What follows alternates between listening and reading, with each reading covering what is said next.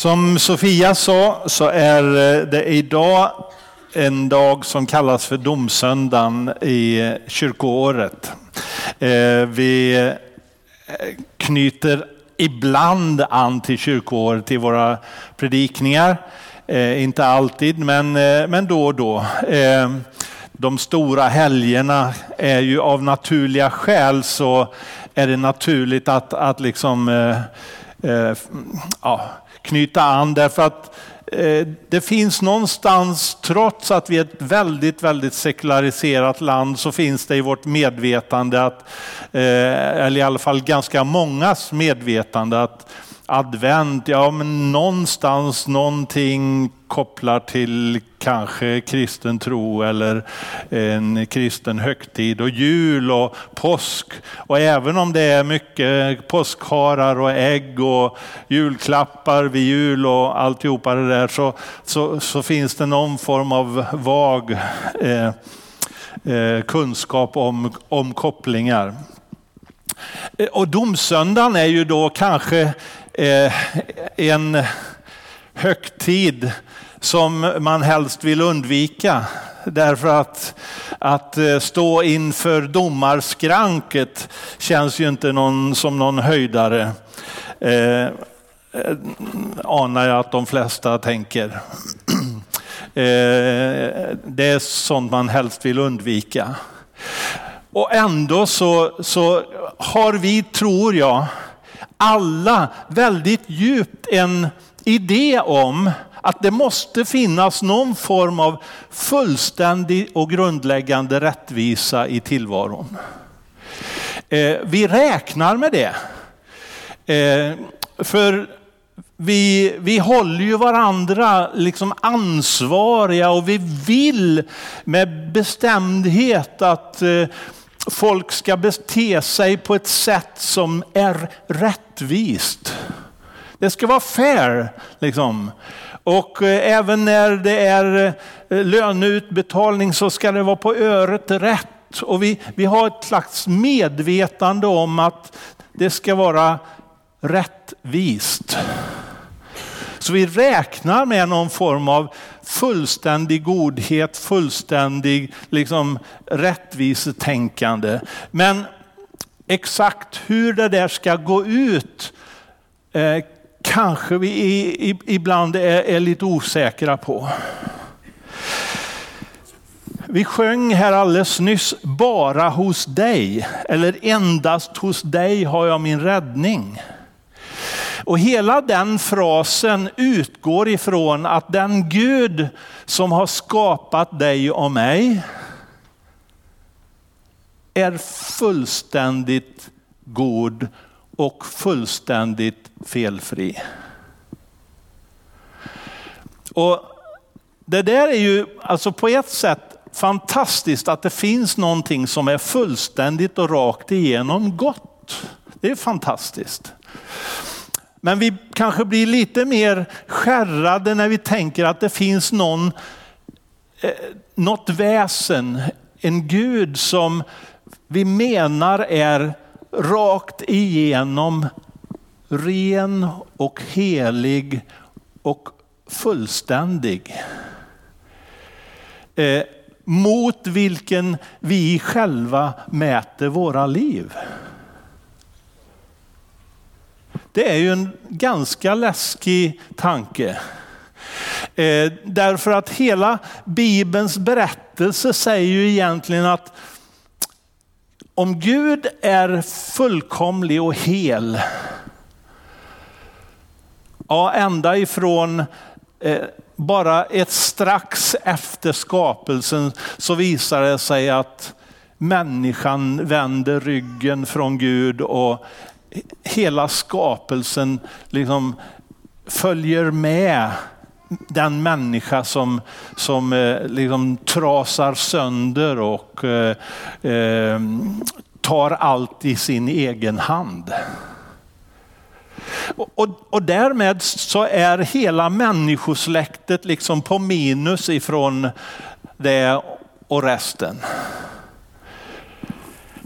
Och det är då hela tanken i den här sången, endast hos dig, endast hos dig är min räddning. Därför att den Gud som har skapat har också faktiskt tagit stegen för att skapa en räddningsplan för förlorade människor. Tanken är att domsöndagen, att göra sig redo inför Jesu ankomst. Att synden är förlåten, att Guds vilja får ske i mitt liv. Och att den räddningen finns i Jesus. Men jag ska resten av den här predikan inte fokusera på den yttersta domen utan mera de mellanmänskliga domar som vi vardagligen fäller mellan varandra. För det är också en dom, men den lutar sig tillbaka egentligen på det där första att Gud har ordnat en räddningsplan. Jag vill läsa ett par texter ifrån Matteus evangeliet ifrån kapitel 7 först. De första sex verserna i kapitel 7. Där står det, döm inte så blir ni inte dömda. Ty med den dom som ni dömer, med den ska ni dömas. Och med det mått som ni mäter med ska det mätas upp åt er. Varför ser du flisan i din brors öga när du inte märker bjälken i ditt eget? Och hur kan du säga till din broder, låt mig ta bort flisan ur ditt öga, du som har en bjälke i ditt öga? Hycklare, ta först bort bjälken ur ditt öga så att du kan se klart och ta bort flisan ur din broders. Ge inte det som är heligt åt hundarna och kasta inte era pärlor åt svinen. De trampar på dem och vänder sig om och sliter sönder er. Jag tar den texten först. Vi ska återkomma till de sista, den sista versen där som lät lite märklig. Men först, alltså vi längtar efter verklig rättvisa. Har du iakttagit hur rätt så små barn driver rättvisetänkandet? Man vakar över sitt område, sina leksaker, sitt rum. Även om den andres leksaker är legitimt villebråd och som man gärna lånar och tar till sig. Men du får inte låna mina. Och du får inte gå in i mitt rum där jag har min ordning. Eller saftglaset eller juiceglaset. Det ska vara lika mellan mig och min bror eller syster. Och hur mycket glass man får på fatet och alltihopa det där. Och jag tänker att de där ränderna de sitter ganska hårt också i oss vuxna. Vi reagerar ganska snabbt över upplevda orättvisor, andras handlingar. Vi jämför, vi vakar över vårt eget utrymme. Och även om det kan tyckas vara bagateller så går vi igång ganska kraftfullt ibland. Och så är det som att, ja, men varför gör du så? Liksom. Och inte minst i hemmet, till hustrun eller maken. Och så är eh, går vi igång på att eh, vi kände oss förfördelade eller trampade på tårna på något sätt. Även om det kan vara bagateller. Och så vill vi ha rättvisa, fairness. Och inom oss så är det någonting som kräver att det ska vara rätt. Även om vi kan ha svårt att urskilja det som är absolut. Om vi tar ett litet steg tillbaka så kan vi ju kanske inse, ja, men, varför gick jag igång så snabbt på det där? Och så säger Jesus, döm inte. Döm inte. Och så följer han upp med att säga att med det, den dom som du själv dömer ska du själv bli dömd. Efter det måttet. Och så inser du inte att du har en stor liksom, en, en, en stor eh, planka i ditt eget öga när du försöker att peta ut flisan ur din make makas öga. Familjeterapeuter är väl bekanta med att vi gärna vill skruva på vår livskamrat lite grann. Om, det bara, om hon, han bara var lite annorlunda då skulle det vara perfekt. Men jag kan ju vara som jag är. Och insikten är ju att det är bara den enskilde själv som egentligen kan initiera förändring i sitt liv.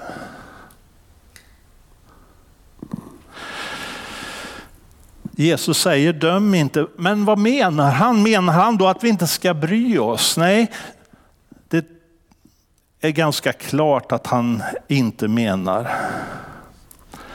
Han menar att det finns många tillfällen då vi driver igång med känslomässiga domar mot varandra utan att själva ha ransakat vår egen situation.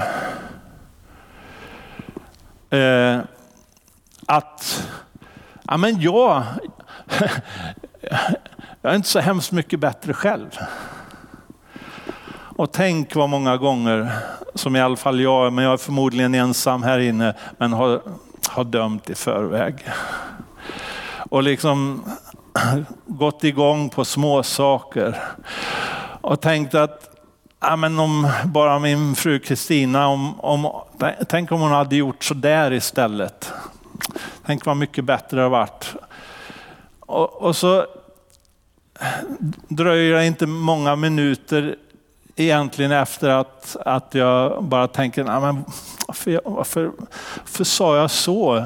Men jag kan väl inse att hon eh, kunde ha varit trött eller inte tänkt efter eller haft liksom, en massa skäl varför det blev som det blev.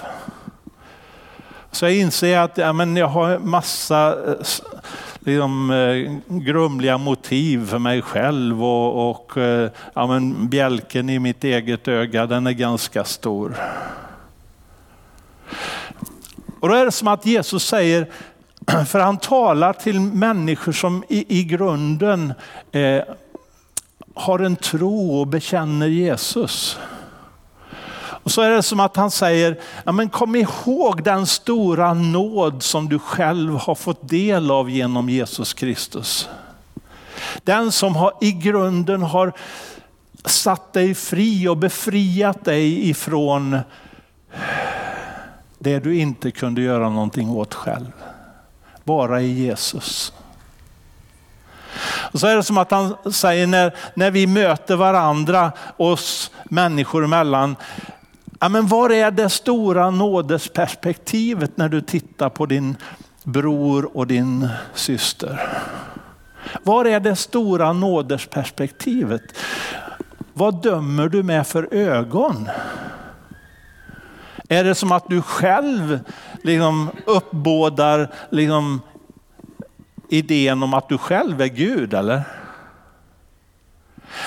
Eller är det med den det perspektivet att, att nåden som du själv har fått, att du kan se din bror, syster, make, maka, whoever, arbetsgivare med den nåd som du själv har fått.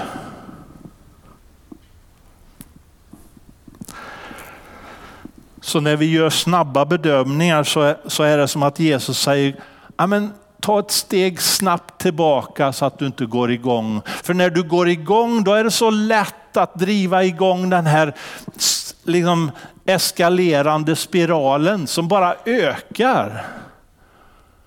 Och så står man liksom i, i en stund efteråt med att en massa bittra känslor och, och, och, eh, man har sårat varandra och så blir det en stor grej och så måste man hantera det under en,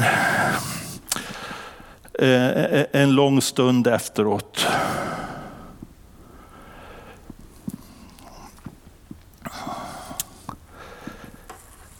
I stundens hetta inser vi inte att våra mänskliga domar är bristfälliga och att vi dömer varandra utan självrannsakan och utan att Guds nåd får vara med.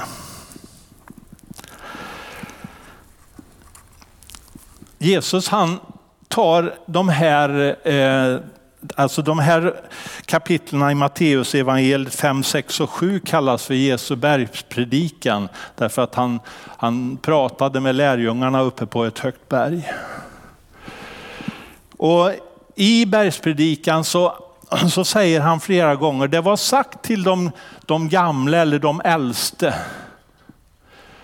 typ öga för öga och tand för tand.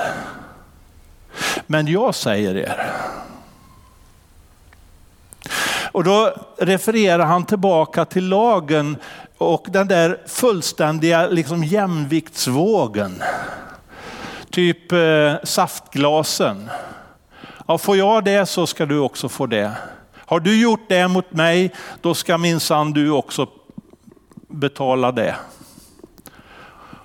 Och Ofta så skipar vi rättvisa och inte minst barn eh, ja, men, eh, på, rättvisa på det sättet.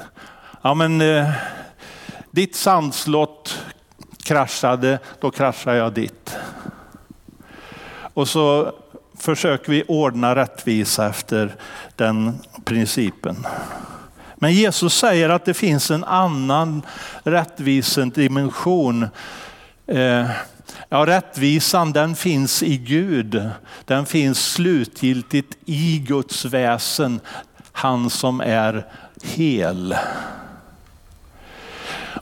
Och, och, och därför, därför så, så uppmanas vi som människor att, att faktiskt eh, eh,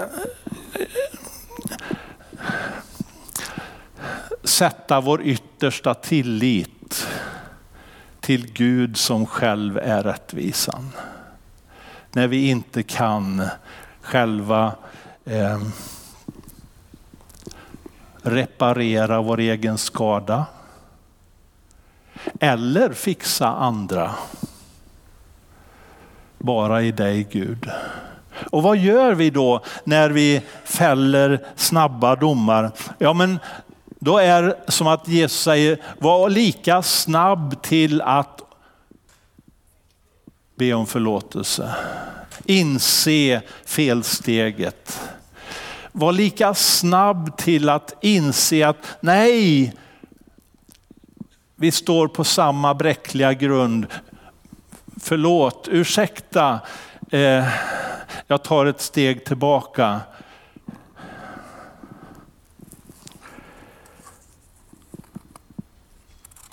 Låta nåden komma in.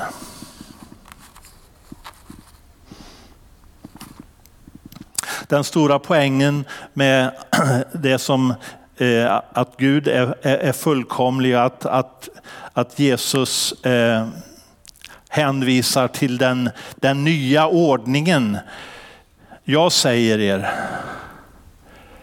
det är att, att vi är absolut beroende av Guds nåd, av Guds befrielse. Att vår skuld lyfts av utifrån av honom som är fullkomlig. Alla har syndat och gått bort ifrån Guds rättfärdighet. Vi är beroende av Guds avlyftande av synd. Han friar oss ifrån domen. Mät därför andra i ljuset av nåden. Skulle man kunna säga är den, den första principen som, som jag skulle vilja dela.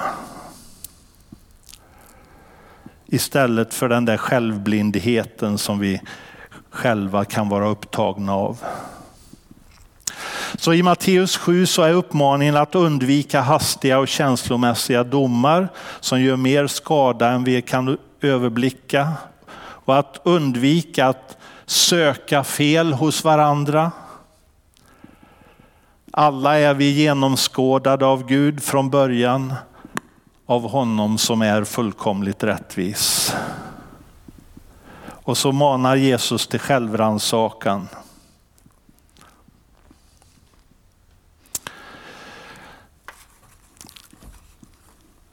Men Jesus säger också i, om vi bläddrar en liten bit bort i Matteus evangeliet till kapitel 18. Det är inte så att han, han säger att ja, men strunta i om det går fel, det bara, bara släta över, sopar under mattan. Eh, I kapitel 18 så, så säger han så här i vers 15 till 17. Om din broder har gjort dig något orätt så gå och ställ honom till svars i enrum. Lyssnar han på dig har du vunnit tillbaka din broder. Men om han inte vill lyssna, ta då, ta då med dig en eller två till för att på två eller tre vittnen ska man varje sak avgöras. Man vägrar lyssna på dem, så tala om det för församlingen. Vill han inte lyssna på församlingen heller betrakta honom då som en hedning eller tullindrivare. Här är poängen en annan. Alltså när det har gått fel, då behöver vi också göra upp saker. Och det är som att Jesus säger, eh, slingra dig inte undan och liksom försök att, att, bara undvika eller sopa under mattan, utan ta itu med det. Möt varandra, också under nådens ordning. För vi behöver nåd. Vi behöver hjälpa varandra till förlåtelse. Vi behöver hjälpa varandra till att ta steget att erkänna att nej men det blev inte så bra. Det gick fel. Och att mötas då inte liksom skicka någon budbärare som, ja, men kan du fixa, kan du prata med honom eller henne? Eh, liksom det blev lite tok. Möt varandra. Tala ut det, säg det. Du, när vi möttes senast så, jag måste bara säga det, jag, jag skäms men det blev fel. Jag sa fel. Kanske du blev sårad och jag kände att jag bara jag tog ett, jag sa det där eller jag gjorde det där och jag, jag förstår att det, det var inte bra. Kan du förlåta mig? Vill du förlåta mig?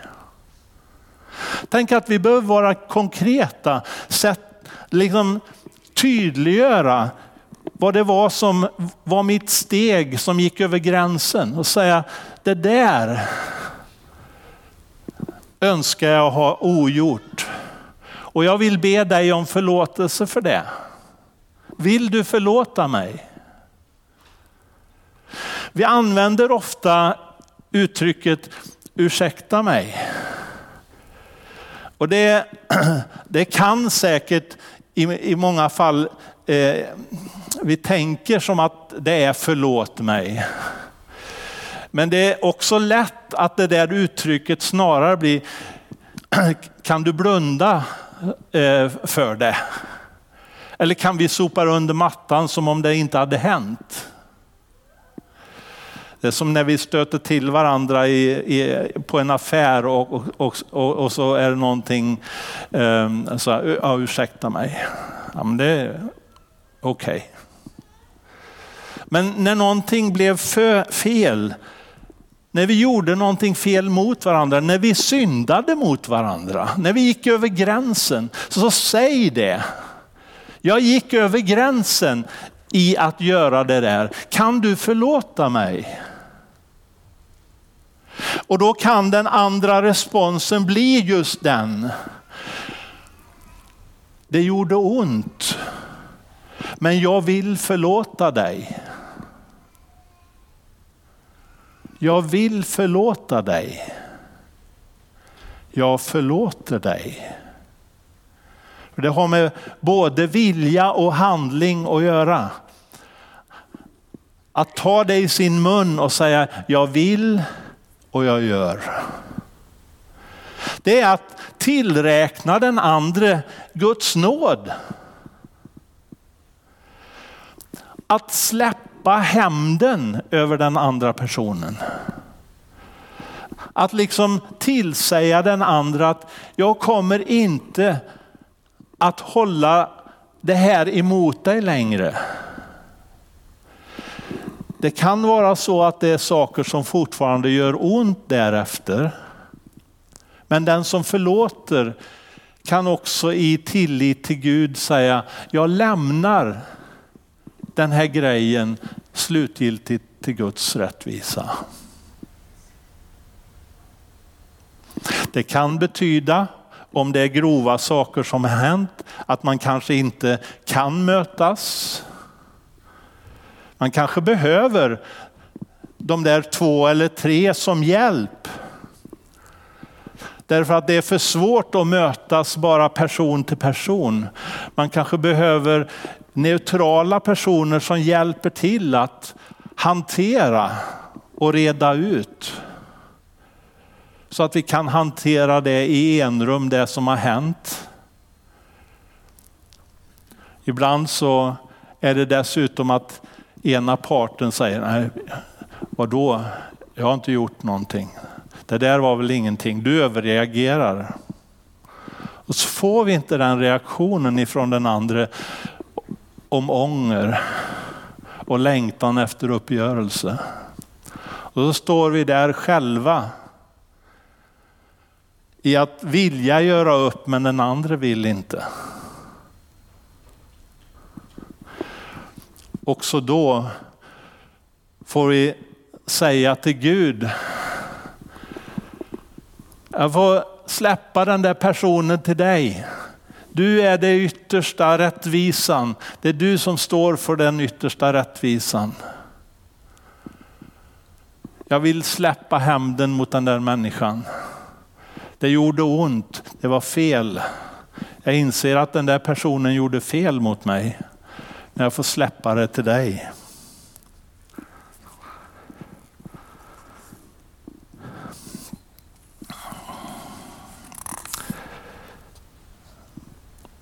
Den där personen i eh, den första texten i vers 6 så stod det så här att eh, Ge inte det som är heligt åt hundarna. Det låter väl jättekonstigt. Tanken är här, det är en, en, en, en judisk tankefigur här där, där det heliga det står för någonting som är avskilt för Gud, någonting som är viktigt, någonting som är eh, jätteviktigt för, för en. Och hundarna står för någonting smutsigt och eh, även, även grisarna står för någonting smutsigt, någonting som är oheligt och eh, eh, ja, orent. Och man skulle kunna tänka sig så här att det är som att Jesus säger Ja, men när, när du är tveksam om du ska anförtro någonting åt någon och det som är dig allra viktigast och kärast i livet, var varsam vem du ger det till. För det är så lätt att göra de där eh, snabba domarna eller att inte hålla ord eller så. Var noggrann med det du ger, vem du ger det som är ömtåligt i ditt liv. Det, det, det, är också en uppmaning till att vara varsam med relationer och varsam med vilka relationer som har vilken så att säga dignitet i ditt liv.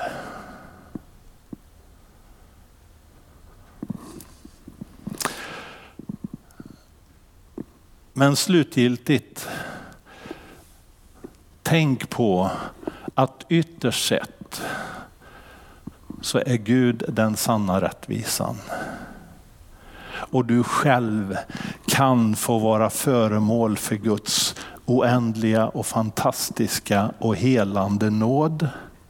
Och använd också den i mötet med andra människor. Amen.